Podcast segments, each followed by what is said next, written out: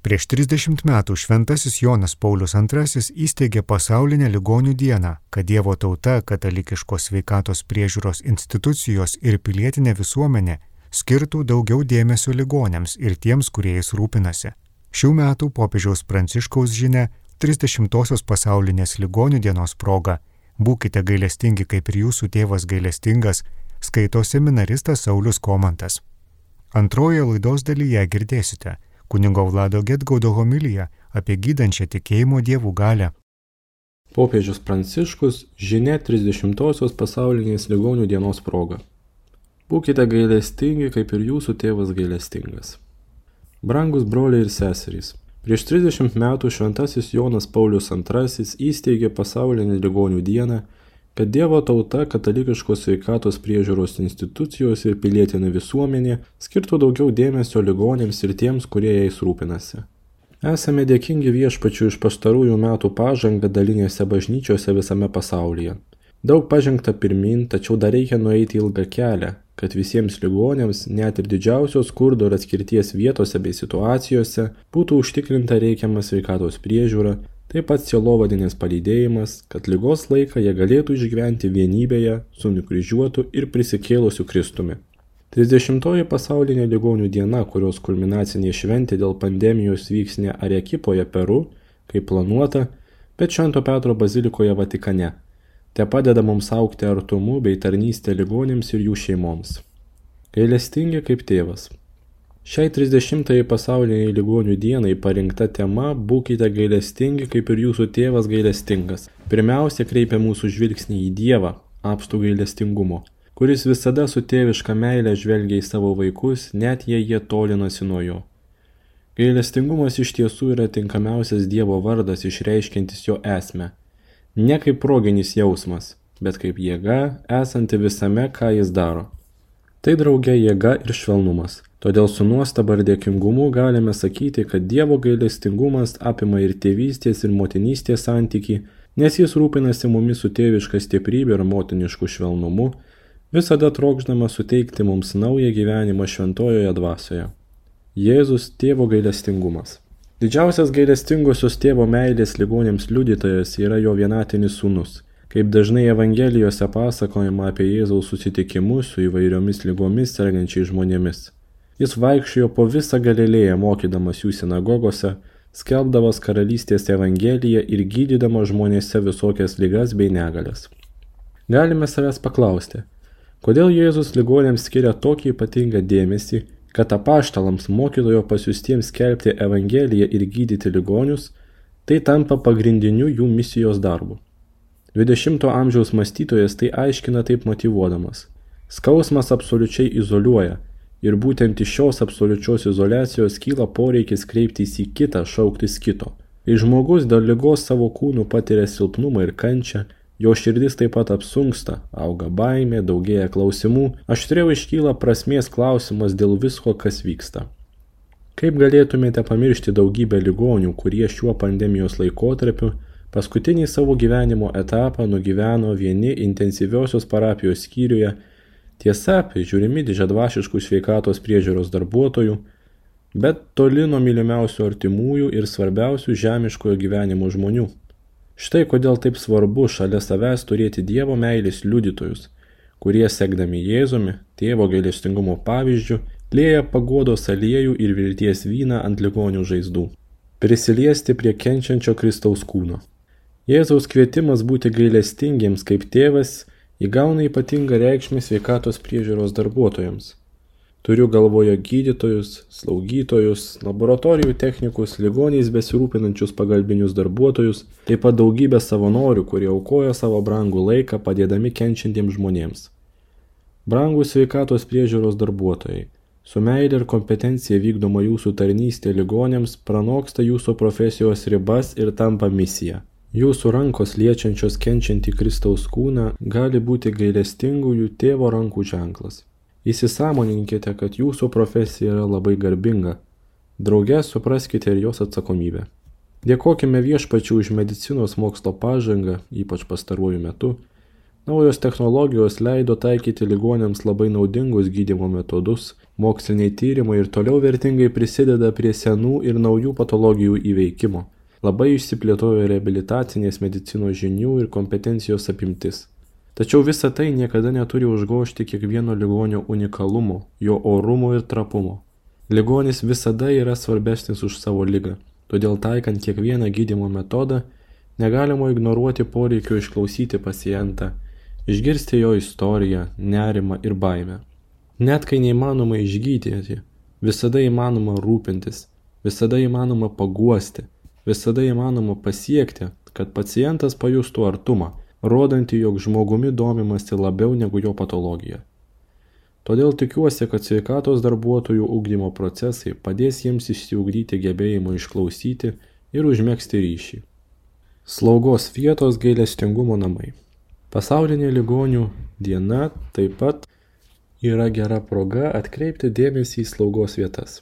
Šimtmečių būvyje gailestingumas ligonėms paskatino krikščionių bendruomenę atidaryti daugybę gerojo samariečio užeigų, kuriuose gali būti priimami ir gydomi įvairūs ligoniai, ypač tie, kurių sveikatos poreikiai lieka nepatenkinti dėl skurdo, socialinės atskirties ar sunkumų gydant tam tikras ligas. Tokiose situacijose pirmiausia kenčia vaikai, seneliai ir pažydžiamiausi žmonės. Daugybė misionierių gailestingojo tėvo pavyzdžius skelbė Evangeliją ir draugė statė ligonės, ambulatorijas bei slaugos centrus.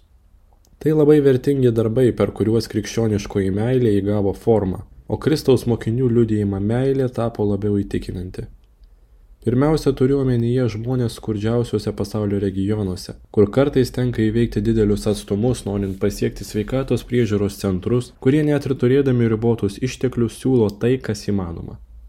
Dar reikia nueiti ilgą kelią, o kai kuriuose šalyse gauti tinkamą gydimą tebėra prapanga. Pavyzdžiui, skurdžiausiose šalyse trūksta vakcinų nuo COVID-19, tačiau dar labiau stokojama gydymo galimybių nuo lygų, kurioms įveikti reikia daug paprastesnių vaistų. Šiomis aplinkybėmis norėčiau dar kartą patvirtinti katalikiškų sveikatos priežiūrų įstaigų svarbą. Jos yra brangus turtas, kurį reikia saugoti ir palaikyti. Jos buvo arti vargingiausių ligonių ir tų situacijų, kurias kiti palieka užmarščiai. Ir tai paženklino bažnyčios istoriją. Kiek daug vienuolijų steigėjų įsiklausė į neturinčių gydymosi galimybės arba netinkamai prižiūrimų brolių bei seserų šauksmą ir padarė viską, kas įmanoma, kad jiems pasitarnautų. Ir šiandien net labiausiai išsivyščiusiose šalyse šių įstaigų buvimas yra palaima, nes juose ne tik su visa reikiama kompetencija pasirūpinama kūno priežiūra, bet rodoma ir meilė, dėl kurios ligoniai ir jų šeimos yra dėmesio centre. Šiais laikais, kai plačiai paplitusi atmetimo kultūra, o gyvybė ne visada pripažįstama verta būti priimta ir išgyventa, šios institucijos, kaip galestingumo namai, gali būti pavyzdžių saugant ir rūpinantis kiekviena, net ir pačia trapiausia būtimi nuo jos pradžios iki natūralios pabaigos. Pastoracinis gailestingumas - buvimas ir artumas. Per šiuos 30 metų sveikatos apsaugos selovada vis labiau pripažįstama kaip nepakeičiama tarnystė Jei skaudžiausia vargstančiųjų diskriminacija yra dvasinio dėmesio stoka, o ligoniai yra vargšai sveikatos požiūriu, negalime jiems neperteikti Dievo artumo, jo palaiminimo, jo žodžių, sakramentų šventimo ir siūlymo aukti bei bręsti tikėjimu. Šiuo atžvilgiu norėčiau priminti, kad parodyti artumą ligonėms ir pasiūlinti jiems sielovadėjės palydėjimą nėra tik specialiai tam atsidėjusių tarnautojų užduotis Kristaus kvietimas lankyti ligonius skirtas visiems jo mokiniams. Kiek daug ligonių ir senų žmonių gyvenančių namuose laukia aplankymo. Paguodos tarnystė yra kiekvieno pakrikščitojo užduotis, prisimenant Jėzaus žodžius. Buvau ligonis, mane aplankėte. Brangus broliai ir seserys, Marijos ligonių sveikatos užtarimui pavedu visus ligonius ir jų šeimas tegul jie randa prasme, paguodą ir įgyja pasitikėjimo vienydamiesi su Kristumi, kuris prisima pasaulio skausmą. Meldžiuosi už visus sveikatos priežiūros darbuotojus, kad jie, turėdami apšiai gailestingumo, draugė sutinkama priežiūra dovanotų pacientams savo brolišką artumą. Visiems nuoširdžiai suteikiu apaštališką į palaiminimą. Pranciškus, Roma. Girdėjote popiežiaus Pranciškaus žinia 30-osios pasaulinės ligonių dienos proga - būkite gailestingi, kaip ir jūsų tėvas gailestingas, perskaitė seminaristas Saulis Komantas. Kviečiame pasiklausyti kunigo Vlado Getgaudo homilijos apie gydančią tikėjimo dievų galę. Jėzus yra tas, kuris atleidžia nuodėmės. Yra tas, kuris atleidžia nuodėmės. Antra, Jėzus yra tas, kuris gydo ligas, išgydo. Ir Jėzus yra tas, kuris prikelia numirusius. Taigi Jėzus atleidžia nuodėmes, Jėzus gydo ir Jėzus išgelbėja nuo mirties. Atleidžia nuodėmes, gydo, išgelbėja nuo mirties. Taigi mums yra atskleista Jėzaus figūra ir Visus šituos dalykus mes galim iš jo gauti. Ir mes tai žinome. Tačiau, jeigu jūs pabandytumėt padiskutuoti su savo artimaisiais, kad būtent va štai Jėzus šituos dalykus daro, galbūt iškart jūsų paklaustų, kad dabar Jėzus nei gydo, nei prikelia iš numirusių, kaip reikia suprasti. Dabar tokių stebuklų neįvyksta, sakytų ne vienas žmogus. Kaip čia reiktų suprasti? Atsakymas yra Evangelijoje. Atsakymas yra Evangelijoje. Jeigu jūs pastebėjot, išryškėja personažai. Pirmiausia Jėzus, paskui sinagogos vyresnysis Jairas, paskui kraujoplūdžių serganti 12 metų moteris ir galiausiai mergaitė, kuri jau numirė. Girdėjom apie tai. Tačiau visada girdėjot, spaudžia minę. Gal net kreipėt dėmesio, bet visada tekste buvo išryškinta minė. Minė spaudžia, minė seka paskui Jėzų, minė yra kartu su Jėzumi. Kas ta minė? Kas ta minė? Ir kodėl minė seka Jėzumi? Daug, daug žmonių. Tai galėtų suprasti žmogus, kuris atsiduria šiais laikais e, ligoniniai.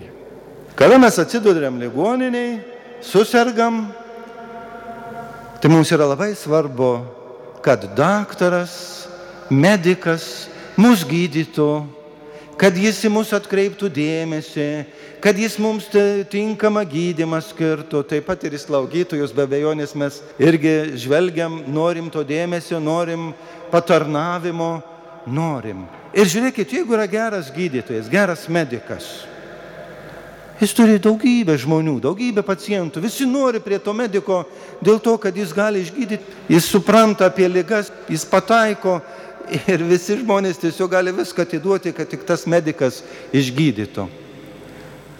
Anuo metu, Jėzaus laikais, nu tokių medikų kaip šiandien nebuvo. O Jėzus buvo tas, kuris gydė visus. Kuris gydė visus. Ir suprantat, visi norėjo išgyti. Kaip ir šiais laikais visi mes norim išgyti iš negalios, iš lygos. Ir, ir atiduodam viską, kad tik tai galėtum išgyti iš to. Ir sekime ne. Bet išgyti, suprantat, na, nepakanka. Nepakanka. Dėl to, kad reikia tikėjimo. Visa šita minė, kuri sekė Jėzum, elgesi pagal principą perku parduodu. Tu man aš tau. Aš turiu ligą, Jėzau, tu esi tas, kuris gali išgydyti. Būk malonus, mane gelbėk. Tas pats ir šiandien vyksta su medikais. Tu mane gydyk, aš moku mokesčius ir visa kita. Perku, parduodu. Ir tie žmonės arba personažai išryškinti Evangelijoje yra, kurie turi tikėjimą. Kurie turi tikėjimą. Turbūt yra medikų čia ir labai gerai jūs žinote, kad ir kaip sekasi gydyti, Ateina laikas, kad jūs turit pasakyti, ir aš esu girdėjęs irgi ne vieną kartą, nu, aš čia nieko negaliu padaryti. Turi jau kreiptis kitur. Riba, kad žmogus turi iškeliauti. Tai reikia tikėjimo. Reikia tikėjimo. Ir tikėjimas yra šiandien Evangelijoje esminis elementas. Taigi mums Jėzus gali atleisti nuodėmės, jeigu mes turim tikėjimą. Jis mus gali išgydyti, jeigu mes turim tikėjimą. Ir jis mums gali išgelbėti arba suteikti gyvenimą, jeigu mes turim tikėjimą. Jeigu tikėjimo neturim, šitie dalykai mums tampa nesuvokiami, neaiškus. Ir mes veikiam pagal principą perku parduodu. Tu man aš tau. Nėra pasitikėjimo. Ir kaip esu minėjęs ne kartą, jeigu šeimoje jūs gyventumėt vadovaudamėsi šiuo principu, vargu ar ilgai galėtumėt išgyventi kartu. Pasitikėjimas. Vienas kito pasitikėjimas, kad bet kokioje situacijoje mane supras, man atleis, man pagelbės, man padės, bus šalia. Visiškai kitaip. Taigi, pasitikėjimas arba tikėjimas. Ir Dievas šiandieninėje Evangelijoje, kurią girdėjom, būtent nori šitą tikėjimą akcentuoti, kad jis yra labai reikalingas kiekvienam žmogui. Aišku, ilgai užtruktume, jeigu mes įsigilintume į asmenybės, tiek į Jairą, sinagogos vyresnįjį, tiek į tą moterį, kuri sirgo kraujoplūdžio, bet keletas žodžių apie tą moterį. Apie tą moterį, kuris 12 metų sirgo kraujoplūdžiu. Atrodytų, nu, lyga, nežinau, kaip reiškia, turbūt pasitaiko ir šitie dalykai būna. Šiais laikais, ko gero, medicina jau gali daug ką padaryti ir išgelbėti. Bet jeigu mes paskaitytume ir įeitume į žydiškąją tradiciją, kuri be kita ko ir šiais laikais galioja žydams.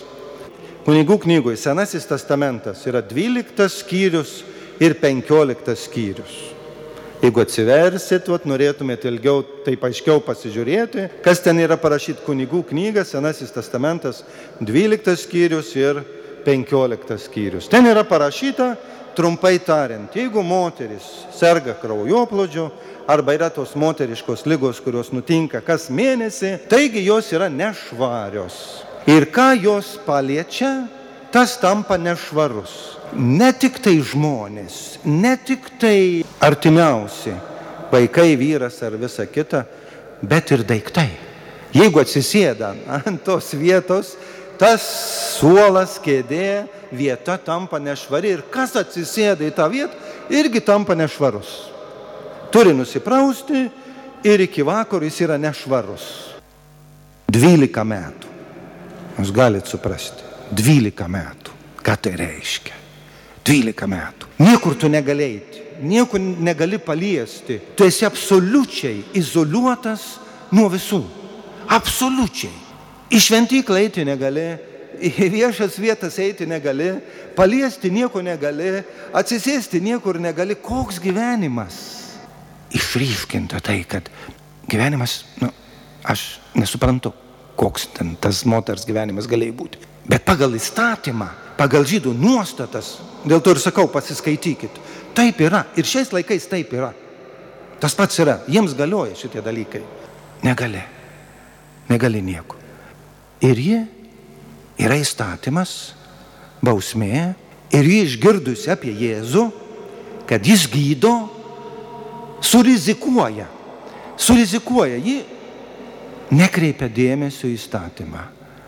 Ir prasiskverbia prominę prasiskverbė, tai ne vieną ten palėtė, prasiskverbė pro minę ir palėtė Jėzaus rūbo kraštą, rūbo kraštą, kad išgytų. Apie ką kalba šitas epizodas? Mums kalba apie tikėjimą. Jeigu Suprantat, galbūt mes nesam tokioj sunkioj situacijoje, kai buvo šita moteris. Bet iš tikrųjų mes esam ne vienas kartais sudėtingose situacijose. Sudėtingose situacijose. Kada viskas, nu, kada tu nematai išeities. Aš manau, kad kiekvienam buvo ir bus ir, ir pasitaiko. Tu turi prasiskverbti, neskaitant visko per visas kliūtis, kad prisiliestum prie Jėzaus. Bet dar didesnis paradoksas, kadangi, na, prisilietė jo apsiausto kutus, bet čia nėra parašyta, kitose vertimuose yra, apsiaustų kutus. Kutai buvo, tokie, nu, virvelės. Apie tai yra parašyta skaičių knygoje. Irgi 12 skyrius. Pati pabaiga. Pati pabaiga, jeigu pasiskaitysit. Pamiršit, aišku. Ten yra įsakyta. Kiekvienas izraelitas prie savo apsiaustų turi prisisiūti kutus. Ir tie kutai turi būti dar mėlyna virvelė parišti, kad žvelgdamas į šitos kutus, jis prisimintų, jog privalo laikytis Dievo įsakymo. Šitie kutai arba spurgai, jeigu jau kalbėsime Naujajam testamente, tai yra paminėta ir, sako farizėjai, prailginu savo spurgus. Primena tai, kad aš laikausi Dievo įsakymo.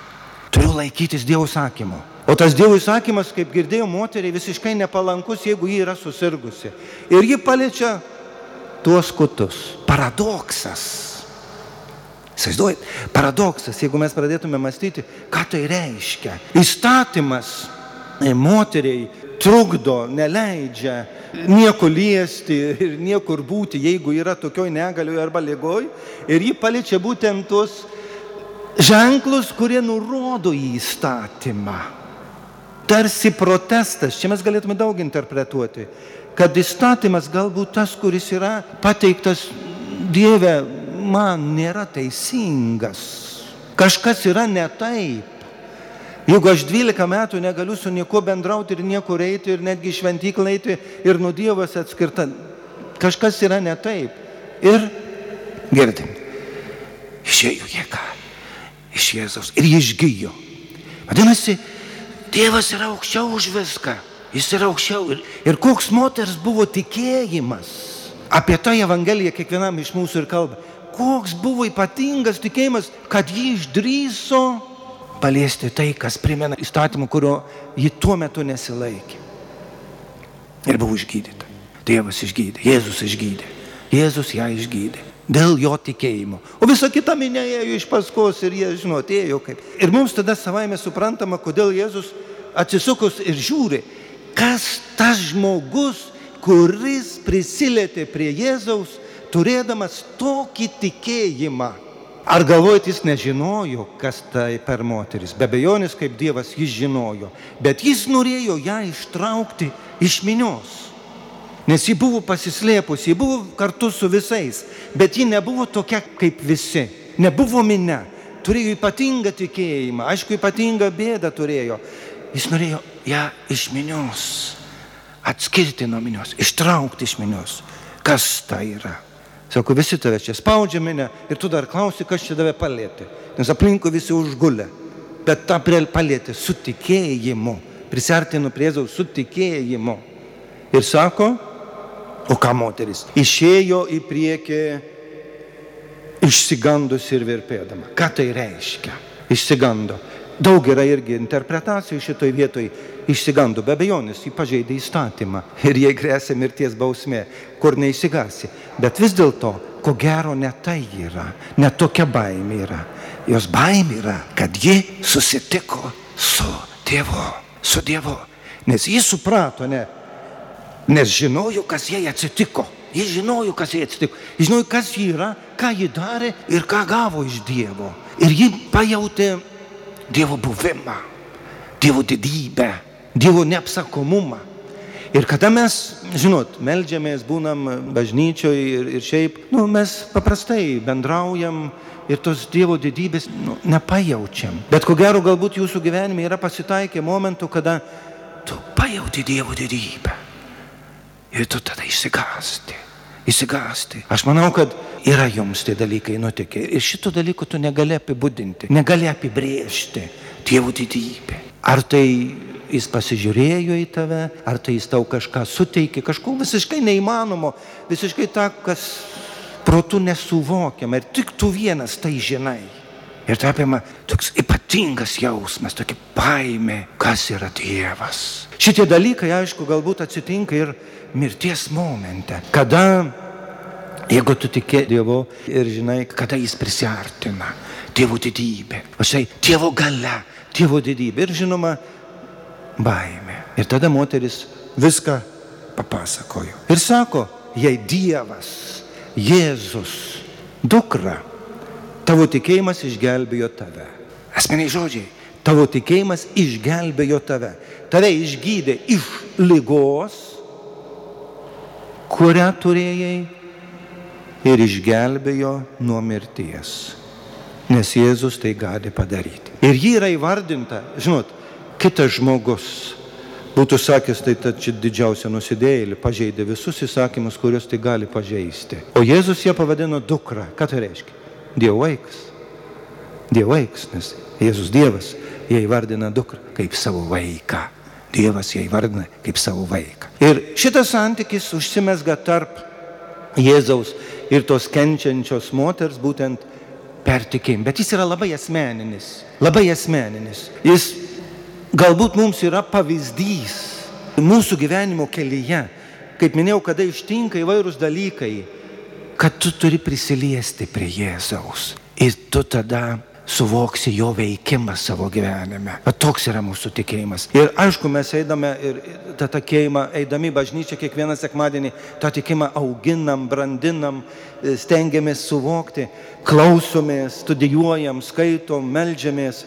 Bet iš tikrųjų tas susitikimas su Dievu yra mūsų kiekvienas asmeniškas. Prisilietimas prie Dievo yra asmeniškas. Ir komunija taipogi yra mūsų tarsi toks irgi ženklas Prisilietimas prie Dievo, prie Jėzaus, prisilietimas. Aš leidžiu, aš noriu, kad Dievas būtų manyje, kad ateitų Jis. Aš tam pasiruošiu, aš viską darau, aš turiu tikėjimą, aš einu jo link ir prašau, kad būtų su manimi jis. Suprantate, tai yra tikėjimas ir prisilietimas, kuris kartais tampa mums be abejonės formalumas, įprotis, mes nematom daug dalykų, nepastebime, esame įpratę, bet tikėjimas yra, kas šiandien Evangelijoje yra išryškinta, esminis viso mūsų veikimo elementas. Jis sujungia ir jis tada teikia.